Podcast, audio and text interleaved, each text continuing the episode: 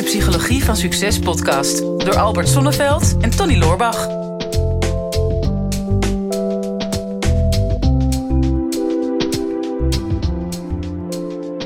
Als er één ding is wat ik lastig vind in mijn leven, is uh, nee zeggen. Is het zo? Ja. Toch, toch heel vaak uh, vraag ik jou om dingen. je zegt toch heel vaak nee? Ja. Ja. Maar dat is trouwens niet waar. Volgens mij heb je nog nooit nee tegen mij gezegd. Niet zo makkelijk, hè? Nee, nee. nee dat kan je ja. niet zo goed. Nee, nee, nee. Het was ook oprecht. Het is niet alleen dat je dat maar even zegt voor de video. Nee, dus, uh, dus ik, ik merk wel dat dat echt wel uh, ja, vaak een dingetje is. Omdat ik toch wel heel graag mensen bij me wil houden. En uh, mensen naar de zin wil maken. En nou, sommige mensen denken, ja, maar hé, hey, jij bent toch de stress-expert. Maar mm. dat, dat heeft altijd twee kanten natuurlijk. Ja. En uh, Miranda ook, die, had een, uh, die heeft een vraag ingestuurd. En dat gaat dan over, ja, hoe, hoe kan ik beter uh, leren nee zeggen? En dat in het kader van omgaan met stress. Want we zijn nou eenmaal met deel 3 inmiddels bezig. Ja, om even laten zien. Ja. Deel 3 van onze mini-cursus over leven zonder stress. En ja, ik kan me absoluut voorstellen dat dat een hoop stress geeft als je ja, te makkelijk meegaat in wat anderen willen en je onvoldoende kunt aangeven wat je zelf wil. Ja, dat je gewoon, uh, hè, dat je toch een beetje een pleaser is natuurlijk een wat uh, moderner woord. Ja. Maar um, wij hebben natuurlijk in de vorige aflevering al wel gehad een stukje over, of in vorige podcast over hoeveel mensen ermee worstelen dat je gewoon jezelf niet goed genoeg vindt. Of dat je bang bent dat anderen jou niet goed genoeg vinden. En um, ik denk wel dat dat uh, een heel actueel thema is voor, voor heel veel mensen. Zeker met alle druk uit social media die je zelf oplegt. Maar ik hoor dat ook vaak. Mensen toch gewoon heel veel doen omdat ze vinden dat dat van, van ze verwacht wordt. Hè? Dat je moeilijk nee durft te zeggen omdat je bang bent voor afwijzing. Of hè, dat je de connectie mist of dat je mensen gaat kwijtraken. Ja. Dus een goede skill om te hebben dat je nee kan zeggen. Ja, inderdaad. Nou ja, in, de, in deze miniserie hebben we natuurlijk deel 1 gehad over nou, wat zijn nou eigenlijk de, de oorzaken en hoe kun je de, de verschillende stadia van stress richting overspanning en burn-out en zelfs depressie. Uh, hoe kun je die herkennen? Mm -hmm. En de vorige keer zijn we er al vooral op ingegaan in deel 2. Ja, hoe kun je daar meer verantwoordelijkheid uh, voor nemen? Wat, wat kost je energie en waar krijg je energie van? Als al een, uh, een belangrijke tool om mee aan de slag te gaan om mm -hmm. stress beter te kunnen hanteren. En in, in dit deel lijkt het me wel heel fijn om nog wat, nog wat meer praktische tips te geven van hoe je daar nou eigenlijk mee om kunt gaan. En een van de belangrijkste tools is wel om te leren begrenzen ook. Ja, dus begrenzen, ja, voor jezelf durven kiezen. Ja. Um, en dat doe je door, door nee te zeggen tegen, tegen een ander, uh, in, ja. in veel gevallen. Um, maar als je, nou zo'n, als je nou die vorige aflevering hebt gekeken en je hebt dat lijstje gemaakt en je ziet gewoon van wat kost mij energie, daar zullen ook wel een aantal pijnlijke dingen tussen zitten. Dus bijvoorbeeld um, in je vriendengroep. Hè, misschien heb je uh, vijf uh, vaste vrienden waar je, waar je veel mee afspreekt, maar zit er eigenlijk één iemand bij die jouw energie kost, bijvoorbeeld. Mm. Dat is, dat is een, een, moeilijke confrontatie om dat ja. toe te durven geven. Want als jij uh, dat jouw stressniveau of jouw energie niet meer wil laten belemmeren, dan zul je eigenlijk daar nee tegen moeten gaan zeggen.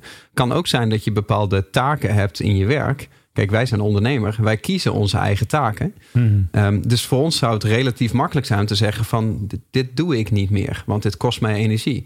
Maar als jij ergens in loondienst bent, dan moet je dat dus tegen jouw uh, werkgever gaan zeggen. Of tegen je collega's van ik wil dit niet meer doen. En dat zijn best wel, dat zijn best wel spannende dingen om te ja. zeggen. Ja. ja, en je ontkomt er niet aan. Hè? Dus uh, de reden dat je stress hebt is dat je, zeker bij chronische stress, te lang iets hebt uitgesteld. Mm -hmm. en, en uitstellen is, is vaak, de ondergrond is dat je het spannend vindt om de confrontatie aan te gaan. Maar ik zeg altijd tegen die mensen die dat spannend vinden, inclusief mezelf welkom op aarde. Mhm. Mm -hmm. Op aarde heb je nu eenmaal te maken met weerstand. Weerstand heb je nodig om te kunnen groeien. Dus je ontkomt er niet aan, wil je leren, jezelf ontwikkelen, is dat je confrontaties aan moet gaan. Mhm. Mm -hmm. En moet, dat impliceert weer dat je geen keuzemogelijkheid hebt. Maar dat is wel zo, want je kunt je ja, tijdelijk even je kop in het zand steken. Hè, dat heet dan uh, kort geluk, maar lange pijn. Mhm. Mm -hmm. Maar uiteindelijk zal het leven jou dwingen om alsnog die confrontatie aan te gaan. Doe je dat niet, ga je steeds meer stressklachten krijgen. Mhm. Mm -hmm. En dat is geen dreigement, maar dat is, dat is echt een constatering. Dat je, je kunt iets voor je uit blijven schuiven, maar er is altijd zo'n stemmetje in je hoofd die zegt: ja, maar hoe dan ook, dit moet ik een keer aangaan. Ja. Dus hoe eerder dat je dat doet, hoe sneller dat je daar doorheen bent. En je kent ongetwijfeld die opluchting dat je misschien iets ergens tegen, heel erg tegen opgekeken hebt. En je hebt eenmaal die knoop doorgehakt. Of je, je bent dat gesprek aangegaan. Je, 9 van de 10 dingen waar je bang voor bent. Ik zeg altijd 80% van de dingen waar je bang voor bent, die komen nooit uit. En daar zul je vaak ook achter komen dat het ook echt zo is. Dat je denkt, oh jee, die persoon die zal wel uh, ongelooflijk boos op me zijn. Of uh, me helemaal teleurgesteld afwijzen. Maar dat valt, 9 van de 10 keer valt dat enorm mee. Ja, nou het is, uh, het is grappig dat um, de meeste mensen doen liever iets voor een ander dan dat ze voor zichzelf doen. Ja. Um, of tenminste, als, als jij in de basis veilig bent. Hè. Het, het, menselijke brein is zo opgebouwd dat in eerste instantie zijn we allemaal super egocentrisch. Hè, dus we denken in eerste instantie alleen maar aan onszelf. Um, ja. als, ons, uh, als het over onze overleving gaat. En pas als de basisbehoeften veilig zijn, hè, dus we hebben zelf genoeg te eten, uh, we zijn in veiligheid, we hebben onze overleving zeker gesteld, zeg maar, op het meest uh, primaire niveau, dan, dan komt de volgende behoefte en dat is, dat is de connectie met anderen.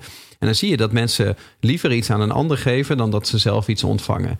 Um, dat ze liever een ander helpen dan, dan dat ze zichzelf helpen. Um, en daar zit dat, dat, dat pleasende ook, hè? geen nee durven zeggen.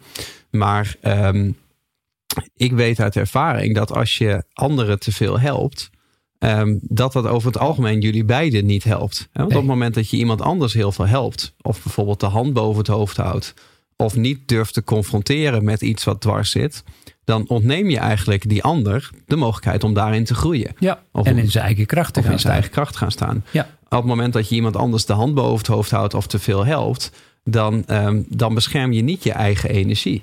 Zeggen zachte, zachte heelmeesters maken stinkende wonden. Ik heb dat bijvoorbeeld zakelijk gezien vaak meegemaakt. Hè, dat ik uh, uh, personeelsleden bijvoorbeeld die niet zo heel goed functioneerden, dat ik dat dan niet durfde te zeggen in een voortgangsgesprek. Of dat ik het contract maar weer met een jaar verlengde. Terwijl ik eigenlijk dat, dat diep van binnen niet wilde. Hè? Of, of, of andere samenwerkingsverbanden. Dat je denkt van ja, eigenlijk ben ik hier niet blij meer mee. Maar ik hou het maar in stand, want ik durf hier niet uh, te confronteren. En daarmee doe je en jezelf tekort.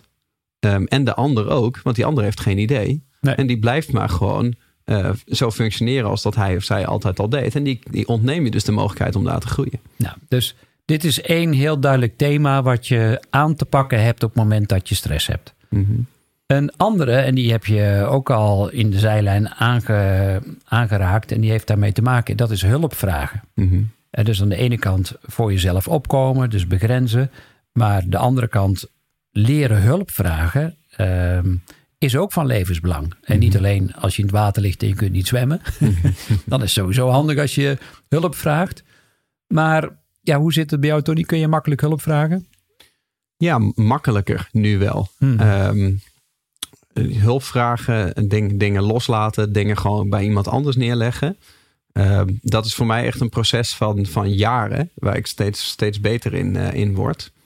Um, ja, ja, is, ja. ja, het korte antwoord is gewoon ja. Ja, nou ja, hulpvragen, dat is zeg maar in de particuliere wereld, in de zakelijke wereld heet dat dan delegeren. Ja, precies, ja. ja. Of populair gezegd over de schutting gooien. Mm -hmm.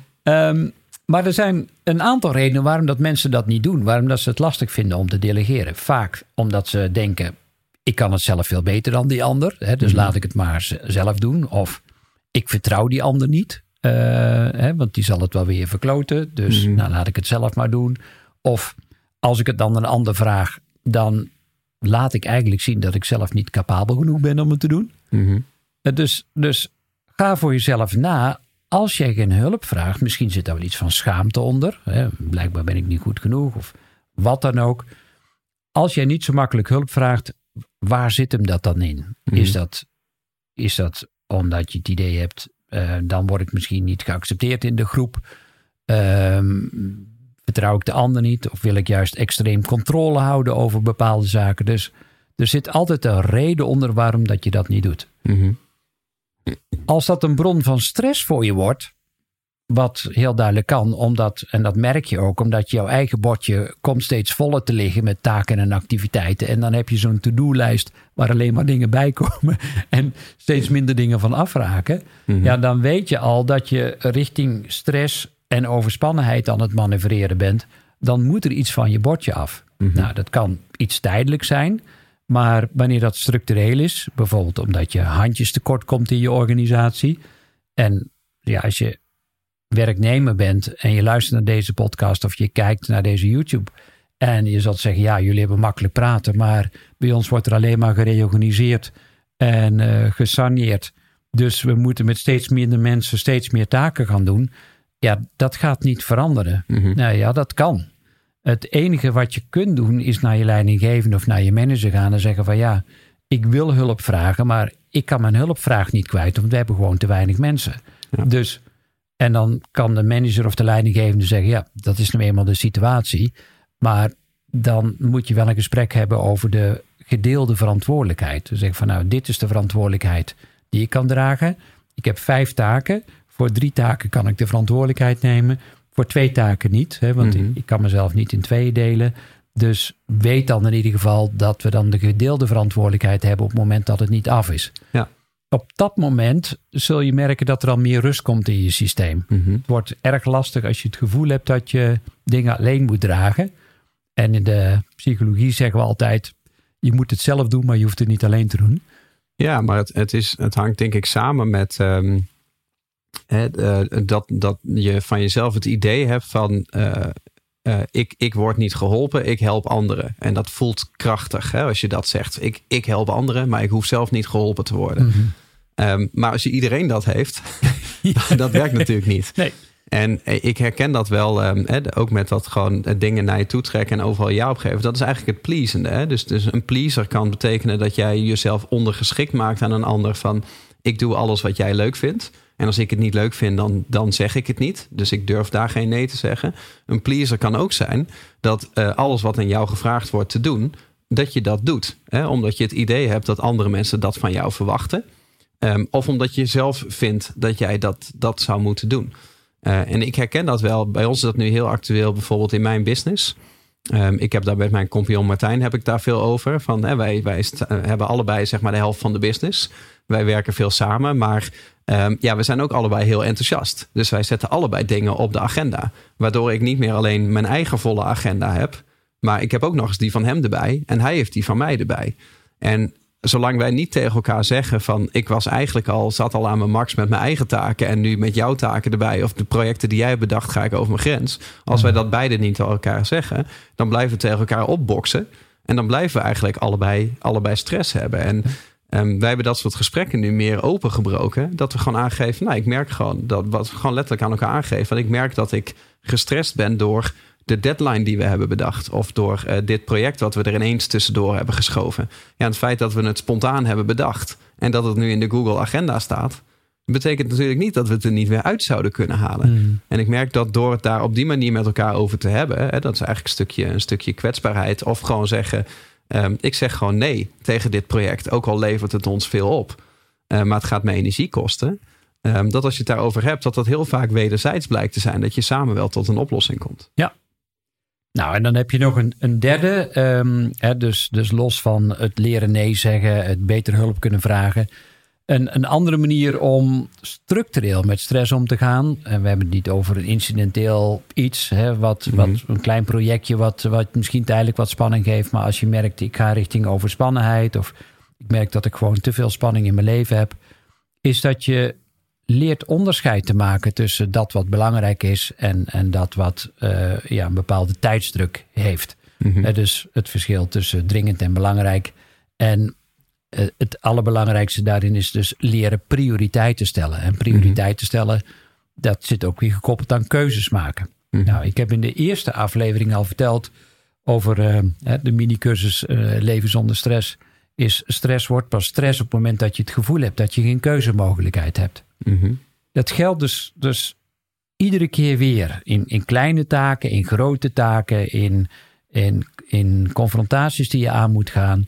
Uiteindelijk, keuzestress is, is ook omdat je zoveel op je afkrijgt. Ehm, zelfs ook de fear of missing out kan ook alweer een keuzestress geven. Ergens, ja, als je s'morgens wakker wordt, begint het al met prioriteiten stellen. Blijf ik nog even liggen? Ja. Of kom ik uit mijn, op mijn bed? Eh, ga ik sporten of ga ik dat niet doen? Gun ik mezelf tijd om te ontbijten? Of doe ik dat niet? Ehm, neem ik tijd om even rustig de krant te lezen, mijn kopje koffie erbij? Of ga ik gelijk vol aan de slag? Mhm. Mij maakt het niet uit. Het is jouw leven. Mhm. Als je maar op het eind van je leven terugkijkt en zegt van ja, ik heb me vooral bezig gehouden met de dingen die ik belangrijk vond. En ik heb me te weinig laten leven door anderen. Mhm. Als je het boek The Five Regrets of the Dying leest van een Australische verpleegkundige die haar hele leven lang terminale zorg heeft verleend aan mensen en steeds weer dezelfde vraag heeft gesteld van is er iets in je leven waar je spijt van hebt? En dan, dan hoor je altijd weer terug van die mensen die dan op het laatst van hun leven zeggen van ja, ik wou dat ik net iets meer tijd had doorgebracht met mijn dierbaren. Of ik wou dat ik net iets meer had genoten van de kleine dingen. Of ik wou dat ik net iets meer de mensen waar ik echt van hou, dat ik die net iets meer tijd en aandacht had gegeven. En ja, why wait? Waarom zou je wachten tot op je sterfbed om dat te zeggen? Terwijl er is alleen maar nu. Ja. En, en alleen nu kun je besluiten, wat is op dit moment het aller, aller, allerbelangrijkste in mijn leven? Eh, en diep van binnen weet je dat wel. Je weet, je, je weet waar je blij van wordt, je weet waar je energie van krijgt, je weet waar je gepassioneerd over bent. Dus al is de bandbreedte nog zo smal, ook al heb je misschien heel veel verplichtingen op je werk, al heb je een hele groot sociaal netwerk, ook al heb je misschien ook nog allerlei andere verplichtingen in je leven, al is het maar vijf minuten per dag. Maar als je dat in ieder geval maar als me-time kunt inrichten voor jezelf. Nou, het is alleen, kijk, hey, jij zegt, ehm, je weet wat je energie geeft, je weet wat je energie kost. Diep van binnen weet je dat wel. Ja. Ehm, maar je moet jezelf wel toelaten om, om bij dat gevoel te komen. Mhm. En, en dat is eigenlijk is dat best wel moeilijk als je gewoon in de, in de flow zit. In de red race in vaak. de red race. En, en je moet het ook eerst ervaren hebben. En ehm, voor mij is dat dat ik merk van het heeft eigenlijk altijd met, met loslaten te maken. Hè? Dat is Hmm. een constant proces. En bij mij is dat begonnen met, weet je, ik was ondernemer, ik had geen personeel, ik had geen kantoor, ik had gewoon alleen mijn laptop en mijn website en mijn online producten. En dat, en dat was het. Dus ik had alles zelf vast. En dat voelde als een ultieme vrijheid. Ja. En ik heb vervolgens het moeten loslaten op het meest basale niveau van. eh, ik ga mijn klantenservice aan iemand uitbesteden, bijvoorbeeld. Hè? Of ik ga mijn boekhouding uitbesteden aan een externe partij. Zoiets simpels als gewoon een, een boekhouding. Dat, dat is al de eerste fase van loslaten. Van je moet het werk loslaten. Maar je moet het ook emotioneel loslaten. Hè? Dat je er vertrouwen in hebt dat iemand anders dat, dat gaat doen.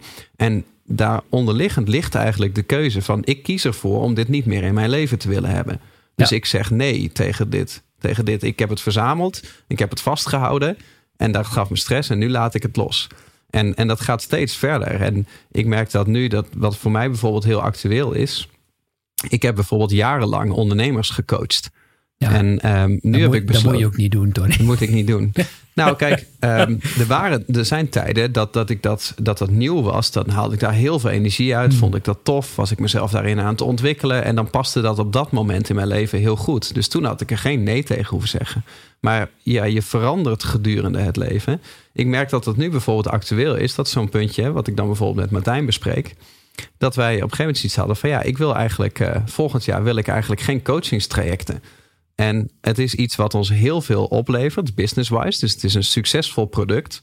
Als we het doen, vinden we het ook altijd heel erg leuk. Mensen zijn altijd heel erg tevreden. Dus alle lichten staan op groen. Maar het heeft even geduurd voordat ik zo dicht bij mezelf kwam. Dat ik, dat ik merkte van ja, diep in de kern is dit niet meer eh, wie ik wil zijn. Dus het, het kost mij eigenlijk te veel energie. Um, en, ik, en ik ga daar nee tegen zeggen. En ja, daarmee stel ik eigenlijk de klanten die het hadden willen kopen teleur.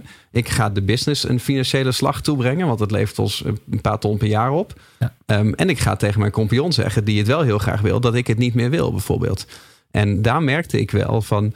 Het dus is elke keer weer een volgend level van, van loslaten en dichter bij jezelf komen. Dus steeds weer dat lijstje van wat geeft me energie, wat kost me energie. Het raakt steeds beter in balans. Dat je een leven hebt dat je alleen nog maar dingen doet die jouw energie geven. Ja. Maar dan heb je dus wel gefaseerd over je leven steeds vaker nee moeten zeggen. Tegen steeds grotere dingen, zeg maar. Mm. Hè, waar je, uh, waarvan ik dan vond dat ik het zou moeten zijn. De coach bijvoorbeeld. Ja. Of waarvan ik het idee had dat anderen vonden dat ik dat zou moeten zijn. Hè? Omdat mensen zoiets hebben, ja, maar ik wil graag dat jij mij uh, gaat coachen, bijvoorbeeld. Als je een goede coach zoekt, kan je beter naar jou toe gaan. ik vertel altijd alleen maar door wat ik van jou heb geleerd. ja. maar dat is, denk ik, dat is misschien heel persoonlijk, maar het hmm. komt nu tot me omdat dat zo actueel is. Dan denk ik van ja, het is wel, het is wel echt iets wat je moet oefenen. Ja. En het liefst zo klein mogelijk beginnen en, en steeds groter. En op een gegeven moment wordt het bijna een sport. Dan ik, hmm. ga dan steeds, steeds vaker nee zeggen tegen de grootst mogelijke dingen. Ja. Ja, dus en ik, ik, ik hoor misschien de luisteraar of de kijker al denken van ja, maar dat is, dat is wel leuk zeg. Het is makkelijk gezegd dat je alleen maar in je leven de leuke dingen moet doen. Mhm. Maar vraag je nou eens af, waarom niet? Mhm. Waarom niet? Hè? We, we hebben nog steeds, we leven misschien, misschien ook wel door een beetje de Calvinistische achtergrond van ja, je moet hard werken en in het zweet des aanschijns zult gij uw geld verdienen en mhm. het moet zwaar en in de sportschool no pain, no gain. En ehm, maar misschien is dat wel een gepasseerd station. Misschien leven we nu wel in een tijdperk waarin je veel meer je passie mag gaan leven. Dat, er zijn meer mogelijkheden dan ooit. We zijn echt uit het industriële tijdperk. We, we, mhm. zijn nu in een tijd waarin in feite iedereen zijn eigen business op een bepaalde manier zou kunnen opbouwen als hij dat zou willen. Mhm. Eh, er, er, is meer geld dan ooit ook. Uh, hè, dus er zijn meer middelen en meer mogelijkheden. Mhm. Ehm, maar het, het begint met tijd te nemen voor jezelf. Wat wil ik nu? Mhm. En die zin die kun je op verschillende manieren uitspreken. Wat wil ik nu? Of wat wil ik nu? Of wat wil ik nu? Of wat wil ik nu? ja, ik wil nu gewoon naar de McDonald's. Ja, heel ja, iets nou, anders. Ja. Nou ja, goed. Als dat tijdelijk bevrediging geeft, maar op de termijn ook niet. Maar, hè, dus, en dat is dan de vierde nadat je je grenzen aangeeft en, en hulp hebt leren vragen, prioriteit te stellen. Een, een andere manier om beter met je stress om te gaan is veel meer herstelmomenten voor jezelf inbouwen. Waardoor dat je ook de tijd neemt voor ja, inzicht, overzicht. Ik noem dat altijd tijd om uit te zoomen. De relativiteit van dingen in te zien. Hoe belangrijk is het nou echt? Ik Mhm. loop allemaal wel druk te doen en zeggen dat ik het allemaal verschrikkelijk druk heb. Maar waarmee en is dat ook het leven waarmee je uiteindelijk op het eind van je leven herinnerd wil worden? Nou, ik denk wat nog wel een goede afsluiter is. ehm, die heb ik ooit van jou gekregen in een boekje, de, de speech van eh, Nelson Mandela. Eh, toen hij eh, president van Zuid-Afrika werd. Ja. Ehm, waarin hij eigenlijk ook precies deze tegenstelling bedrukte. Hè? Dus, dus waar hij aangaf van hè, heel veel mensen vragen zich af van wie ben ik om, om inspirerend te, te zijn. Maar het is juist het tegenovergestelde. Hè? Waarom, waarom zou je het niet zijn? Hmm. Want je dient de wereld niet door jezelf klein te houden. Nee. Iets wa- wat hij letterlijk zei, kijk, ik ben dan niet gelovig, maar hij zei, je, bent, je bent een, je bent een kind, kind van God. Ja. Eh, en het is de bedoeling dat jij je licht laat stralen. En op het moment dat je je licht laat stralen, dan geef je anderen daarmee de toestemming om hetzelfde te doen. Hmm. En dat vond ik een heel inspirerend stuk. Van ja, weet je, je dient jezelf niet, of de wereld niet door jezelf klein te houden. Dat is al een belangrijke. Maar als jij niet voor jezelf durft te kiezen, dan word jij ook nooit de krachtigste versie van jezelf. En als je dat niet wordt, dan kan je die versie van jezelf ook niet gebruiken om, om de grootste impact te maken, of waar jij impact op zou willen hebben. En door jezelf klein te houden, zeg je eigenlijk tegen anderen dat zij hetzelfde zouden moeten doen. Maar als jij in het licht gaat staan en je ziet, ja, ik maak mijn bewuste keuzes en ik ben de mooiste versie van mezelf. En ik durf nee te zeggen en voor mezelf te kiezen. Dan geef je andere mensen de toestemming om precies hetzelfde te doen. Ja, Ja, en dan is het eigenlijk je missie om voor jezelf te kiezen. Ik denk een hele mooie afsluiter. Ehm, ja, dit, is, eh, dit was alweer deel 3 van eh, de mini-cursus Leven zonder stress. Eh, nou, daar zit ook nog een prachtige handout bij. Ehm, ja, die kun je gewoon bestellen bij ons. eh, Geheel gratis. Ja, Ga gratis je- kopen. gratis kopen. Ga gewoon lekker gezellig naar het YouTube-kanaal.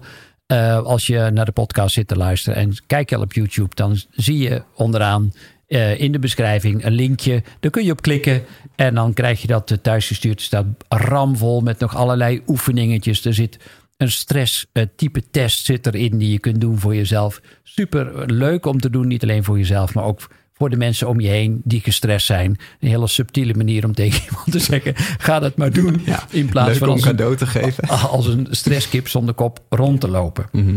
Vind je dit leuk en eh, wil je ons supporten, dan mag dat sowieso door je duimpjes omhoog te steken eh, op het YouTube-kanaal. Uh, wat kunnen ze allemaal nog meer doen? Ze kunnen zich abonneren, abonneren natuurlijk. reacties achterlaten. En reacties achterlaten. Nou, dat lijkt me een heel goed idee. En dan zien we je graag weer terug volgende keer bij de volgende aflevering. En dat is deel 4 alweer van deze mini-cursus Leven zonder stress. Dankjewel voor het kijken en luisteren. Dit is de Psychologie van Succes podcast door Albert Sonneveld en Tony Loorbach.